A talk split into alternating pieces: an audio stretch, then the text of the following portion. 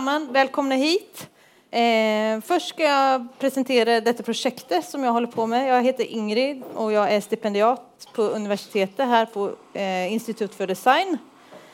Eh, jeg holder på med et prosjekt som heter 'Ting som kan være sant'. Det undersøker hva som påvirker oss når vi skal stemme i politiske valg. For eh, hva er det egentlig som påvirker oss? Er det venner, kolleger, oppvekst, gruppetilhørighet, eller hvem det er som snakker når jeg skal lytte?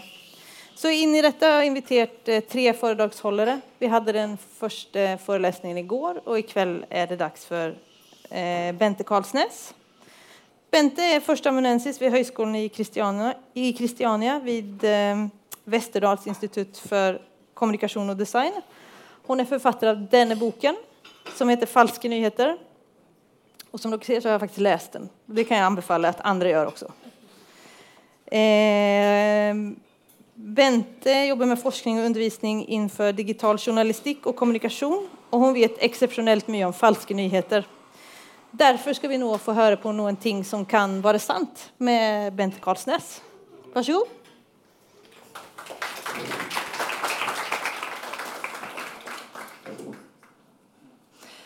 Takk for det, Ingrid. Veldig veldig hyggelig å komme hit til eh, Bergen. Jeg studerte i Bergen på 90-tallet, så jeg syns alltid det er gøy å komme tilbake hit. Eh, jeg skulle bare si litt om bakgrunnen min og hvorfor jeg valgte å skrive en bok om eh, det temaet her. Som Ingrid nevnte, så jobber jeg på Høgskolen Kristiania. Ehm, jeg har forska på politisk kommunikasjon i sosiale medier. Hvordan politikere bruker sosiale medier i valgkamp, men også hvordan mediene bruker sosiale medier i, i valgkamp. Eh, tidligere har jeg vært eh, journalist. Eh, jeg har drevet med blogging før, jeg begynte å kalle det influencers. Eh, og da jeg drev og skrev eh, avhandlinga mi om eh, eh, politisk bruk av sosiale medier, så så, så jeg hvordan dette her kunne brukes strategisk for å kunne påvirke stemme. Den gangen, altså i 2013-2014, så var det ganske sånn positive synspunkt på hva teknologien kan bety for samfunnet og for deltakelse. I ettertid så vet vi at det her har endra seg litt, og det har blitt mer negativ fokus på teknologiens betydning i samfunnet og i politikken. Særlig når det gjelder overvåkning, manipulasjon. Og i eh, 2016-valget i USA så var eh, Donald Trump med på å sette det begrepet falske nyheter på agendaen. Han beskyldte mediene for å drive med falske nyheter, samtidig som at han blir beskyldt for å lage falske nyheter. Så eh, det er litt av bakgrunnen for at jeg eh, har blitt interessert i dette. her, Og en annen ekstremt viktig bakgrunn, eh, også med tanke på at vi står midt i en valgkamp, det er de utfordringene desinformasjon, manipulert informasjon, falske nyheter kan representere, særlig i en valgsituasjon. Fordi når vi blir usikre på hva er sant, hva er falskt, så blir det vanskeligere for oss å ta beslutninger. Når vi ikke kan stole på informasjonen vi tar til oss, så eh, er det vanskelig å navigere seg i samfunnet. Så det er egentlig en litt sånn bekymring for den utviklinga vi ser. Så jeg tenkte jeg skulle gå innom disse tre temaene, tre spørsmålene her. Hva er falske nyheter? Hva, hva, hva er det vi snakker om når vi snakker om falske nyheter og desinformasjon? Hva er omfanget, og hvor bekymra er nordmenn for falske nyheter? Og hva bør gjøres, og hvem bør gjøre noe? Men før jeg setter i gang med det, så har jeg lyst til å stille dere et spørsmål. Hva forbinder dere med falske nyheter? Når dere hører det ordet, hva tenker dere på da? Eller begrepet? Facebook. Facebook. Ja. Donald Trump? Løgn. Propaganda. Russland. Fox News. Det gir et ganske bredt bilde. Eh, og jeg tenker det gir et ganske godt bilde på problemet. Her er et eh, forholdsvis kjent eksempel på falske nyheter. Den saka her var en av de mest delte sakene eh, i den amerikanske valgkampen i 2016. Her står det da at eh, paven støtta Donald Trump sitt kandidatur i valgkampen. Eh, hvis dere ser på den eh, nettsida der, så er det kanskje mange som stusser litt. Hva, hva slags nettside er dette? her? WTOE5 News. Men det er likevel altså et nettsted som egentlig ingen har hørt om. Eh, allikevel så, er, så, var dette en, en uh, sak som veldig mange spredte i, uh, i sosiale medier i USA høsten 2016. Hvorvidt det påvirker folk til å støtte Donald Trump og stemme på han, det vet ikke vi. Men eh, det kunne kanskje gi Hanna sitt kandidatur legitimitet. Og Litt av problemet er at uh, vi leser ting i sosiale medier, særlig Facebook, og så ser ikke vi hvor det kommer fra. Det nettstedet her ser sånn ut nå. Altså, Dette er bare humbug-nettsted. Nå så publiserer jeg litt uh, hundenyheter og ymse ting. Men det her da fikk enormt med oppmerksomhet uh, den gangen. Her er et norsk eksempel fra noe som heter Ukens Nytt. Kanskje ikke så mange som har hørt om det. Eh, og dette der er da dikta opp. Det er en fiktiv person. Den personen på bildet her det er, det er, et bilde fra, det er et britisk bilde. Det er ikke ei jente fra Drammen. Eh, men så er det tilsynelatende intervjua folk fra helsevesenet i Drammen, fra politiet i Drammen, sånn at det ser ut som ei reell sak. Eh, og Hvis en ikke er så oppmerksom, så kan en uh, tro at dette handler om ei, ei som, som, bor i Drammen. Uh, men det her er det bare oppdikta. Og den type nyhetssaker det ser vi stadig vekk dukke opp. Særlig i uh, nyhetsfeeden vår på, på Facebook. Uh, og de kan få ganske stor spredning. Mange deler det uten å være oppmerksom på hvem som er kilder, eller hva er eh, eh kvaliteten på det nettstedet. Men for å kunne snakke om eh, falske nyheter, så må vi se litt på hva, hva er nyheter. Eh, noe som vi tar for gitt. Eh, all, at alle vet det, men det, det, kan være greit å kikke litt på hvordan vi definerer dette. her. Um, det kan bli forklart som det nye, det som nettopp har skjedd, eller rett og slett det vi nettopp har brakt på det rene. Forholdet til virkeligheten skiller nyhetsjournalistikken fra diktningen. En nyhet skal være sann i den forstand at den må være pålitelig og kunne etterprøves. Og For å beskrive journalistikk så har Martin Eide her i, i Bergen skrevet det som en moderne institusjon som innhenter, bearbeider og formidler informasjon som, som gjør krav på å være sann, og som kan være demokratisk relevant. Og grunnen til at vi det, det, har vært masse diskusjon rundt disse begrepene. Eh, og jeg må si at begrepet falske nyheter er ganske problematisk. Det, forstand, det blir brukt som en samlebegrep, og en har fylt og tømt det begrepet eh, for innhold. Og det, det, blir også misbrukt i mange sammenhenger, f.eks. av Donald Trump, som bruker det for å kritisere eh, uavhengige medier. Eh, og fordi at det begrepet er så vagt, eh, så gjør det litt sånn diffus hva er det egentlig vi snakker om. Men det som er viktig å ta med seg fra definisjonen eh, av nyheter, det er at eh, forhold, ja, det her med forhold til virkeligheten skiller nyhetsjournalistikken fra diktninga. Det skal være etterprøvbart. Det skal være noe vi kan, vi kan sjekke, og en kan uh, bruke ulike kilder for å ettergå informasjonen. Her er et forsøk på definisjon av fake news, som jeg har skrevet. Um, complete, or, partly false information, often appearing as news and typically expressed as textual, visual or graphical content with an intention to mislead or confuse users. Eh, litt komplisert her, men jeg har også skrevet en litt eh, enklere definisjon falsk informasjon framstilt som nyheter med hensikt å skulle lure eller bedra. Årsaken eller Hensikter kan være økonomisk, politisk eller sosiale. Det som er typisk, er at det, det er noe som ser ut som nyheter. Det som, blir, det som kan gjøre dette her skikkelig vanskelig, det er at det, i de fleste tilfeller så er det et snev av sannhet i dette. her. Den saka her, som vi ser, i sommer kan du bli full på kronisk fra Smirnov, som inneholder 37% alkohol. Det er humbug. Det er oppdikta. Men i veldig mange tilfeller så kan det være ganske sant, eller nesten helt sant. Og da blir det vanskeligere for oss å avdekke det. Og bare for å gå innom litt flere definisjoner for å vise dere at dette her er et litt sånn vanskelig terreng. Eh, I forskninga er dette blitt eh, definert som eh, nyhetsartikler som med hensikt og beviselig er falske, og som kan mislede leseren. Informasjon som, har, som med hensikt har blitt fabrikkert og spredt for å manipulere eller mislede folk til å tro på manipulasjon eller tvile på etablerte fakta. Fullstendig falsk informasjon som er laga for å oppnå økonomisk gevinst. Så dette er noen av måtene som det har blitt beskrevet på.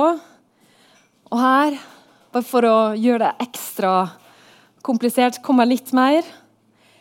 Fei, altså at en eh, sier at det, er en hybridsjanger som blander nyhetsformatet med innholdselement som feilinformasjon, sensasjon, klikkagn og partiskhet. Og når jeg har vist den definisjonen eh, tidligere, så er det folk som har sagt ja, men det her ligner noe på nyheter. En del som tenker ja, men dette kan jo være definisjonen på en Dagbladet-artikkel. Av og til så kan det kanskje være det. I hvert fall når det gjelder sensasjon og det med klikkagn eller clickbait som jeg snakker om. Eh, og Mange beskylder også mediene eller nyhetene for å være partiske, at en har et uh, ståsted. Men så grunnen til at dette her er komplisert, det er at uh, ja, det ser ut som nyheter. Uh, det er et fellestrekk. Men det er vanskelig å vite sannhetsgraden. Hvor sant eller falskt det er. Og det er også vanskelig å vite intensjonen bak det. Er det noen som gjør dette for å påvirke noen politisk? Gjør de det for å tjene penger? Eller gjør de det for å få oppmerksomhet i sine sosiale grupper? Det kan være lurt å skulle differensiere mellom disse her. For det, hvis det er snakk om nyheter som, falske nyheter som er laga primært for å tjene penger, så kan en f.eks. fjerne muligheten for å tjene annonseinntekter. Det kan være én måte å prøve å begrense omfanget på. Hvis det er av politiske årsaker, altså gjerne det en kaller propaganda, da er det kanskje andre tiltak som må settes inn. Så Derfor tar jeg også med definisjon på det som kalles desinformasjon. Eh, og Mange av dere kjenner til propaganda. Det er et begrep som vi kjenner til for langt langt tilbake. Og det begrepet her, desinformasjon, ligner veldig på pro propaganda. Spredning av bevisst villedende informasjon. Hensikten kan være å utbre visse holdninger og få mottakeren til å reagere på bestemte måter. Eh, og Det er det en gjerne har gjort når en har drevet med propaganda også tidligere. Eh, da var det kanskje tydeligere. En hadde tydelige plakater, eller en sto på et torg og, og, skulle agitere. Det vi ser med den nye teknologien, det er at dette her blir mer fordekt og skjult og profesjonalisert. Og bare For å ta en siste definisjon. Eh, eh, en gruppe fra, eh, av eksperter som laga en rapport for EU, mente at det, vi ikke bør snakke om falske nyheter. Det begrepet er så misledende og så problematisk at vi må være mer spesifikt. Eh, en annen grunn til at det begrepet er problematisk, det er at det henviser til mediene, til journalistikken, og setter journalistikken i et dårlig lys. Det har egentlig ingenting med journalistikk å gjøre. Det bare ser ut som det. Det, det tjuvlåner formatet til, til journalistikken. Eh, så de mente at vi burde kalle dette false, inaccurate og misleading information designed, presented and promoted to intentionally cause public harm or for profit. Så en måte vi kan skille disse her fenomenene på, det er å snakke om falske nyheter, om feilinformasjon, desinformasjon eller propaganda og konspirasjonsteorier. Men samtidig vil jeg påstå at disse grensene er ganske flytende, så det kan være litt vanskelig å holde det ordentlig atskilt. Men nå skal jeg vise noen, noen eksempel som er innenfor disse ulike kategoriene. Var det noen som fikk med seg den saka her, som gjerne dukka opp på Facebook? Hørte dere om Ingunn Solheim som visstnok skulle slutte i Dagsrevyen? Og hun skulle begynne å selge hudkrem? Nei? Ja. Det var en del som uh, fikk med seg den. Og når vi ser på den det her ser ut som en sak i Dagbladet. Vi har den Dagblad-logoen og stripa. Uh, og her forteller hun om den virkelige årsaken til at hun slutta i Dagbladet. Ja, unnskyld. I, helt riktig. I Dagsrevyen. Igjen, det her er bare oppdikta. Det var utforma som ei annonse på Facebook. Det ser ut som en Dagbladet-artikkel. Eh, de bruker Ingunn Sonheim sitt navn og bilde for å selge en hud hudkrem. Dette her er eh, Det ser ut som en, en nyhet, men det er eh, både falsk annonse og det er en falsk nyhet. Eh, Dagbladet klager den saka inn til, eh, til eh, Facebook. Um, og Ingunn Solheim kjente seg selvfølgelig ikke igjen i dette. her. Hun jobber i NRK fremdeles. Den type ting har vi sett en god del eksempler på. Kjendiser som blir misbrukt og brukt i, den, altså misbrukt i reklame, f.eks. på Facebook. Eh, for vi ser at Facebook har ganske dårlig kontroll på, på annonsene sine. Og så blir det gjerne framstilt som uh, nye saker for å gi det økt troverdighet. Økt troverdighet rundt et produkt. Dette her er for å tjene penger. Et eksempel på feilinformasjon det er denne saka her. Mediene og journalister gjør feil hver dag. Sånn er det dessverre. Det er vanskelig å unngå. Det var sikkert mange av dere som fikk med dere saka fra Pressens faglige utvalg i går, der VG ble felt på mange punkt i den saka om eh, om eh, den dansevideoen, Trond Giske og den eh, unge kvinna Sofie. Um, det her er en sak som NTB, VG, Aftenposten flere skrev om, om at det var et nytt realityshow i Russland der alt var tillatt. Drap og voldtekt også. Eh, VG, nei, NTB hadde den, og så var det flere andre som skrev om den. Og så måtte de eh, krype til korset og innrømme at det, eh, dette her var feil. Her har vi misforstått noe. Eller dette her var unøyaktig. Men i Norge så har vi et etisk regelverk for mediene. Vi har, vi har Vær varsom-plakaten med mange punkt om krav til etikken i relasjonene. Og Et av kravene er at en skal rette opp feil. Og En skal beklage og en skal informere om dette. her. Og så kan en gjerne, gjerne anklage mediene for å være for dårlige og gi oppmerksomhet på rettelsene. Eh, de gjemmer det gjerne i en liten spalte. Eh, men det er iallfall en del av forpliktelsene i redaktørstyrte medier at en skal korrigere feil. Eh, så at feil skjer i journalistikken, ja, det gjør det. Eh, og det, det, får også konsekvenser. Her et eksempel på desinformasjon. Det er kanskje en del av dere som kjenner til Sputnik nettstedet Sputnik. Eh, som er kjent for å være et eh, forlenga arm for russiske myndigheter. En slags propagandapublikasjon. Og Her står det at eh, Scandinavians take kids from Russian families to reverse population decline. Det har vært en god del saker om barnevernet i Norge og andre nordiske land. Eh, og hvordan de opererer. Altså helt eh, eh, fabrikkerte saker eh, for å gi et inntrykk av eh, norske myndigheter som er fullstendig feilaktig. Dette er da en nettside som heter EU versus Disinformation, som følger med på en del av disse publikasjonene. Eh, og som bl.a. har skrevet om, om den saka her. Et annet eksempel som vi ser en god del eh, av rundt omkring på nettet, det er konspirasjonsteorier.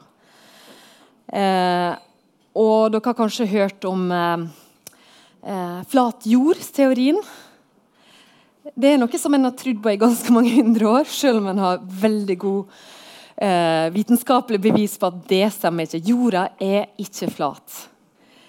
Men det er ganske mange som tror på det.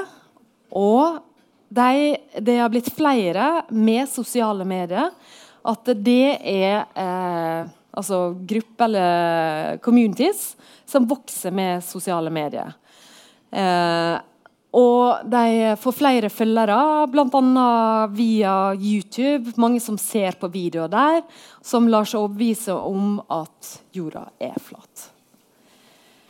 Det er ekstremt lett å bevise med all forskning vi har.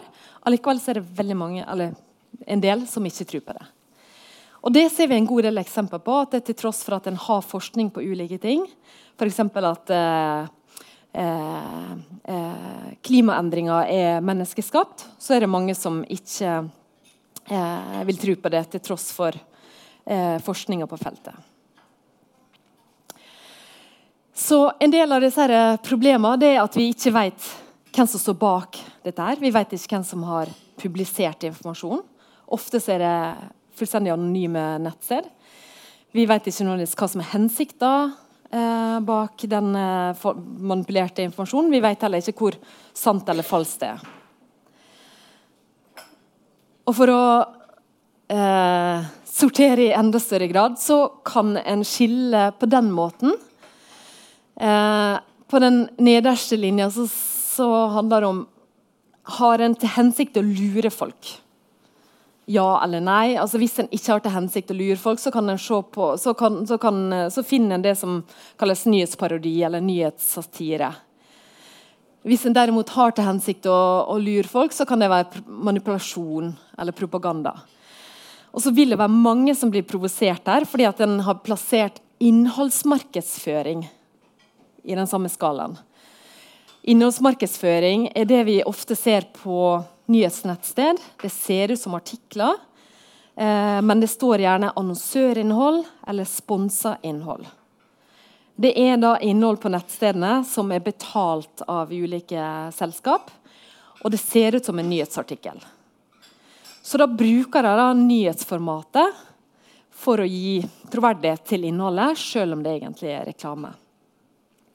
Eh, og Det trenger ikke være at innholdet er feil, men det er kanskje bevisst retta for å selge et bestemt produkt, eller at en utelater informasjon som kan være relevant, altså kun fokuserer på det som er aktuelt i den saka.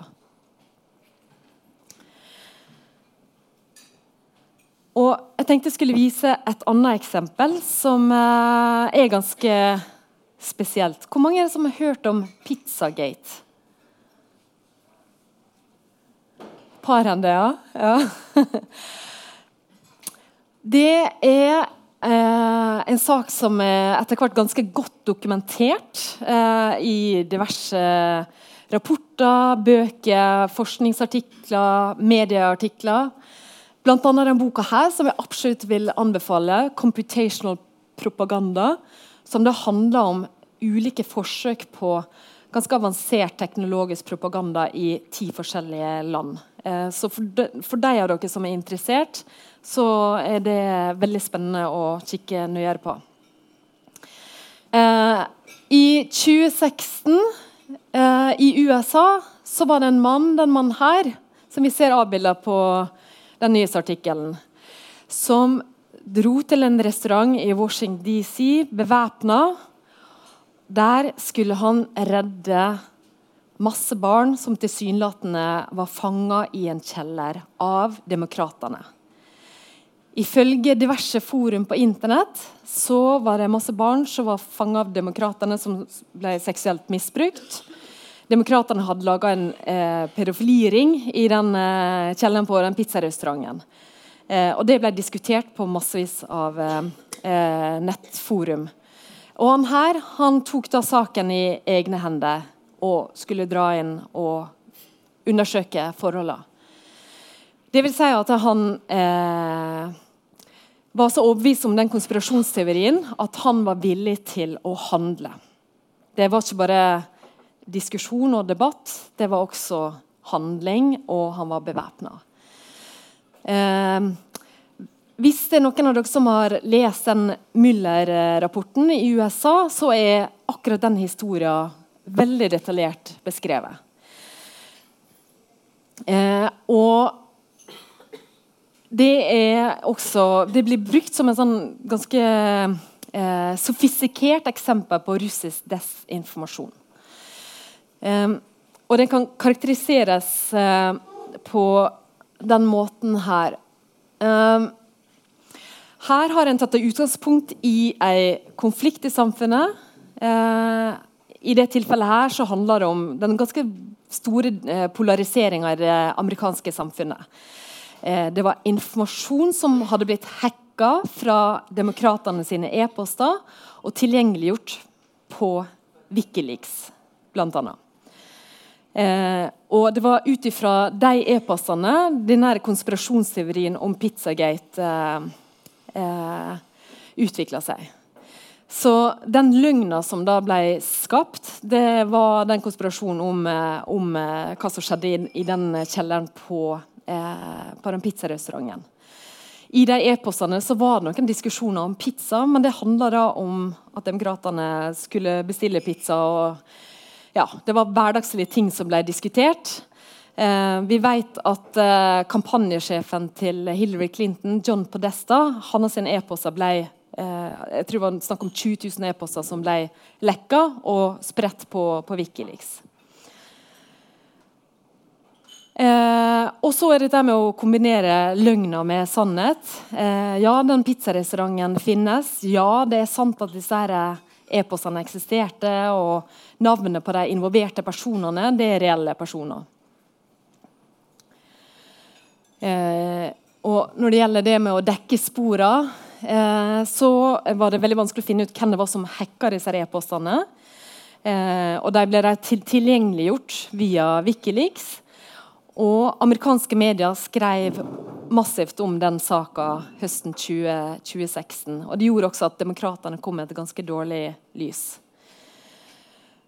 Den nyttige idioten i det tilfellet her, det var en som heter Alex Jones, som hadde en nettside som heter Infowars, der han eh, publiserte massivt om den saka og var med på å spre den konspirasjonsteorien til et stort eh, publikum. Eh, og så handla det om å, å nekte altså fra russisk side at, det, at en ikke hadde noe å gjøre med det her. Nå i ettertid, eh, noen år etterpå, så vet vi at eh, ja, det var russere som sto bak hackinga og den tilgjengeliggjøringa av e-postene eh, og spredninga via, eh, via Wikileaks. Skal vi se Ja, og så dette her med at eh, en skal ikke få en gevinst på kort sikt. Snakk, det handler om å skape eh, kaos og konflikt over lengre tid. Eh, for det er nettopp det som digital propaganda handler om i dag. Det handler om å skape kaos, skape tvil. Hva kan vi tro på? Hva er reelt? Hva informasjon er troverdig? Så eh, En annen måte å, å, beskrive dette her på, altså framgangen i den type eh, propaganda, er å avvise kritikerne, forvrenge fakta, distrere oppmerksomheten fra de viktige sakene og skremme publikum. Um, og Det er selvfølgelig ikke bare Russland som holder på med propaganda. Det vil det også være mange andre land som gjør. Men det vi ser er at Russland har blitt stadig mer sofistikert og stadig mer avansert eh, på det teknologiske feltet. Eh, så for å komme litt eh, tilbake til, eh, til, Norge, så eh, er det også viktig å være oppmerksom på hva, hva er situasjonen her. Hvor bekymra er vi? Eh, er vi redd Altså, lar vi oss eh, bekymre over dette her i hele tatt? Um, og Det er blitt gjort en del undersøkelser på, på det her. og I stedet for å spørre om er du bekymra for falske nyheter, så har en i en undersøkelse som heter Reuters Digital News Report, så har en spurt om ulike typer problematisk informasjon. En snakker om falsk informasjon, feilinformasjon og desinformasjon. Og Det er litt vanskelig å, lese her, men det nordmenn er mest bekymra for, det er nyhetssaker der fakta er fordreid for å fremme en agenda. Og nummer to dårlig journalistikk. Tre fullstendig oppdikta nyhetssaker med kommersielle eller politiske hensikter. Det er kanskje det som ligner mer på falske nyheter. rett og slett. Bruk av begrepet falske nyheter for å diskreditere nyhetsmediene. Det er nå det vi har sett Trump har gjort i stor grad. Overskrifter som ligner på nyheter, men som egentlig er reklame. Det er da den type sånn clickbait eller klikkgagn. Altså der du, du ser en tittel som, eh, som på en måte lover mer enn hva artikkelen inneholder. Og det siste det er satire. Så det vi er mest bekymra for, nye saker der fakta er fordreid for å fremme en agenda. Og det kan vi også si at ja, det driver nå eh, vanlige medier med også med. Det er nå ikke bare typ sånn falske nyheter. Så kanskje vi er mer bekymra for egentlig dårlig journalistikk enn den type sånn falsk eh, nyhetssaker her. Og hvis vi ser da sammenligna med en del andre land, Norge er borterst, så ser vi ganske umiddelbart at vi er mindre bekymra enn f.eks. i USA, Storbritannia, Østerrike, Tsjekkia og Bulgaria. Eh, f.eks. i USA så er de spesielt bekymra for saker der fakta er fordreid for å fremme en agenda. Uh, I Bulgaria er de ganske bekymra for satire, f.eks. Det er litt trist at de er så bekymra for det. Uh, og uh, skal vi se andre ting skal være verdt å framme. Bruken av begrepet falske nyheter for å diskreditere nyhetsmediene. Det er ganske, de er ganske bekymra for det i Østerrike. Så ja, det vi ser, er at eh, nordmenn flest er ikke så veldig veldig bekymra. Eh, men samtidig så ser vi at en større andel av oss vi får nyhetene våre fra sosiale medier. Det blir vanskeligere å skille hvor kommer informasjonen fra. Så selv om tilliten til norske medier er ganske høy, så er vi også utsatt for samme type eh, ja, oppdikta nyhetssaker som en del andre land. Jeg vil bare vise dere et eksempel her. Eh, som, der mediene sine produkt er med på å forvirre folk. Her er det VG, og som dere kanskje ser midt i bildet her, så står det annonser. Da er det en eh, representant for Høyre, Thomas Sjøvold, Nordre Follos første ordfører. Det ser ut som en nyhetssak. Ved siden av så har vi en fra Miljøpartiet De Grønne. Samme type sak. Og Det handler igjen om dette med innholdsmarkedsføring. Vi blir litt forvirra av dette. her, og Her er et leserinnlegg om en person som snakker om vi kan ikke tro på det vi ser i mediene. Eh, her er det et format som, som gjør leserne forvirra. Så det er en del folk som eh, ser på bl.a. det med innholdsmarkedsføring som fake news. Eh, og når vi ser da på hvor mange som eh, opplever at de er blitt utsatt for fullstendig oppdikta saker den siste uka, så igjen så er nordmenn i den nederste delen av skalaen. Øverst så er det Tyrkia og Hellas. Eh, og så er det 14% som mener at de har sett fullstendig oppdikta saker siste uka. Men da tenkte jeg jeg skulle høre med dere om en sak som jeg er sikker på mange fikk med seg i sommer. Husker dere den saka her fra Sommerøy? Der de tilsynelatende hadde droppa å bruke klokke, og de skulle ha tidløs sone, klokkeløs sone. Eh, masse internasjonal oppmerksomhet. Eh, og så ble det litt rabalder. Er det her, var, det, var det her falske nyheter?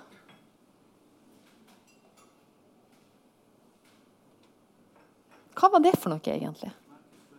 Markedsføring? Ja. Stunt? Ja.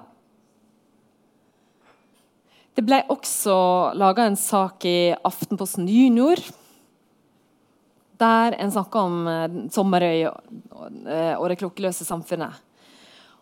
Og eh, de måtte gå inn og beklage den saka etterpå. Eh, og det ble sagt at eh, det er litt ille når vi eh, presenterer falske nyheter for barna våre. Var, var det falske nyheter?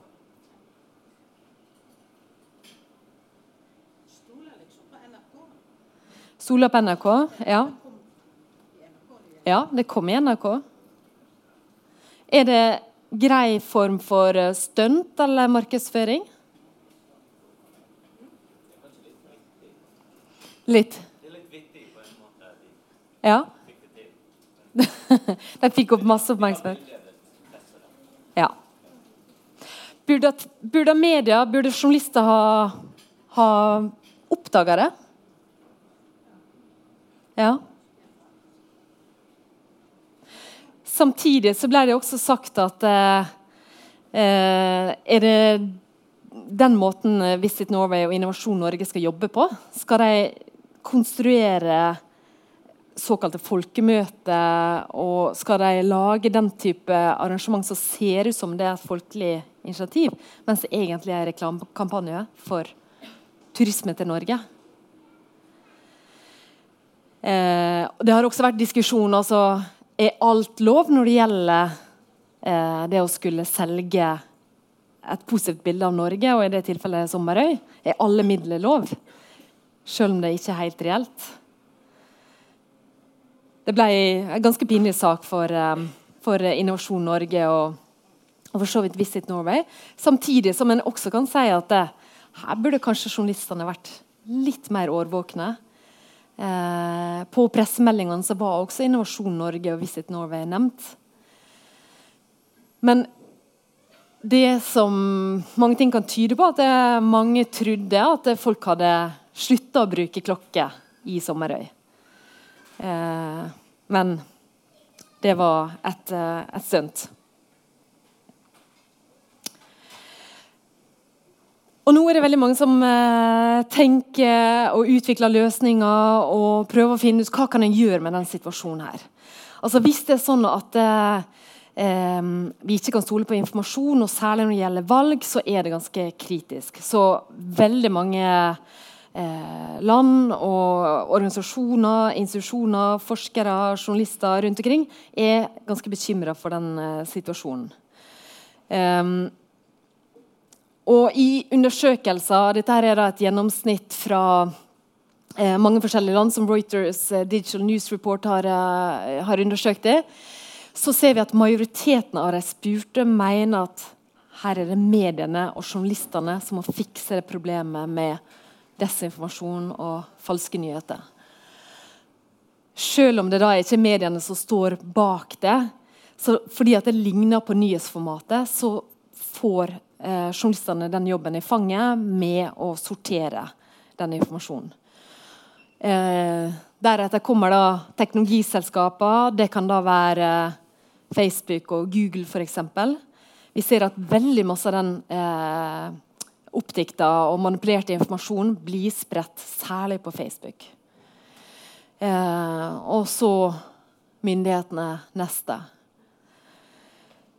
Um, det som også er veldig, veldig tydelig, at det, en kan ikke bruke ett tiltak for å løse dette. her. Det er ikke en quick fix. En må ha mange forskjellige tiltak for å prøve å sortere i dette informasjonskaoset. Eh, og en eh, rapport som har kommet ut, som peker på en god del anbefalinger. Det er den rapporten fra eh, en gruppe med eksperter i EU som har kommet med et sett av anbefalinger. Eh, som da viser at eh, ja, det er viktig med faktasjekking. En må faktasjekke for å kunne skille mellom ulike typer problematisk informasjon. Eh, en må også ha økt åpenhet om journalistiske prosesser. Hva er det som gjør at mediene tar en bestemt vinkling, eh, bruker bestemte kilder, eh, skriver om de ulike sakene? Det er også noe som kom opp eh, i går senest, i etterkant av, av den eh, saka fra PFU og VG. Altså, hvorfor skriver de sånn som de gjør? Hvorfor tilgjengeliggjør de bilder og navn, f.eks., eh, på de tidspunktene som de gjør? Um, det å kunne ha en aktiv mediepolitikk som sørger for at vi har et mediemangfold, er også viktig. I Norge har vi f.eks. pressestøtte. Eh, vi har massevis av lokalaviser. I mange europeiske land så står det helt annerledes til når det gjelder mediesituasjonen. Eh, og så er det også disse eh, plattformene som veldig mange får informasjon og nyheter via. YouTube, Facebook, eh, Twitter blant bl.a. Vi vet ikke hvordan algoritmene fungerer, vi vet ikke hvordan de modererer. Eh, det er veldig eh, masse hemmelighetskremmeri rundt eh, måten de håndterer den digitale offentligheten som de faktisk legger til rette. Så det å få større åpenhet fra plattformene er også et, eh, et krav. Og også det der med finansiering. Eh, f.eks. nå i valgkampen i Norge. Eh, hva, eh, hvor masse penger bruker partiene på å finansiere eh, annonser på Facebook f.eks. Hva aktive annonser har ulike partier ute? Det vi har sett i mange valgkamper, det er at eh, politiske aktører har lagt ut annonser med fullstendig eh, feilaktig informasjon eller eh, hatefull informasjon også. Målretta mot bestemte grupper, der kun de gruppene får sett den informasjonen. Så I etterkant av det amerikanske valget i 2016 så har det blitt mer åpenhet rundt annonser på Facebook. Vi kan følge med på hva partiet annonserer i Norge i den valgkampen. her. Eh, og Det er også for å prøve å begrense de problemene som, som kan bli spretta via Facebook-annonser. Eh, det har blitt foreslått merking. Er dette her nettstedet en kan stole på? Og så følger f.eks. etiske eh, prinsipp innenfor journalistikken. Eh, og ikke minst eh, mer eh, fokus og skolering på eh, kritisk medieforståelse, kildekritikk, digital kildekritikk. Ikke bare blant de yngste på skolen, men i hele befolkninga. Medietilsynet sin undersøkelse viser at det, er de godt voksne, 60 pluss, som har mest, mest problemer med å skille hva informasjon eh, er riktig, hva er falsk. Og ha, Det er også de godt voksne som har en tendens til å dele den falske informasjonen.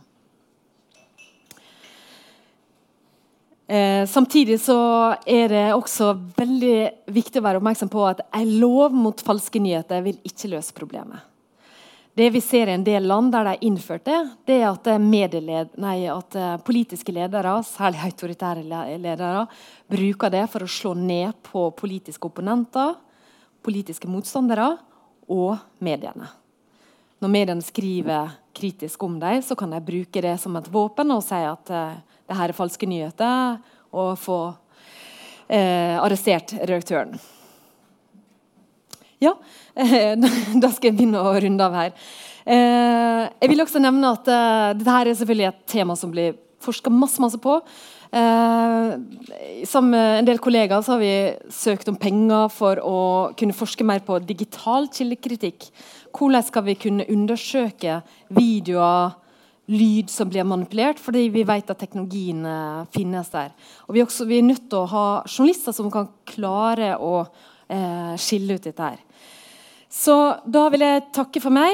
Eh, hvis dere vil eh, grave mer i det temaet, så har jeg skrevet ei bok om dette. her.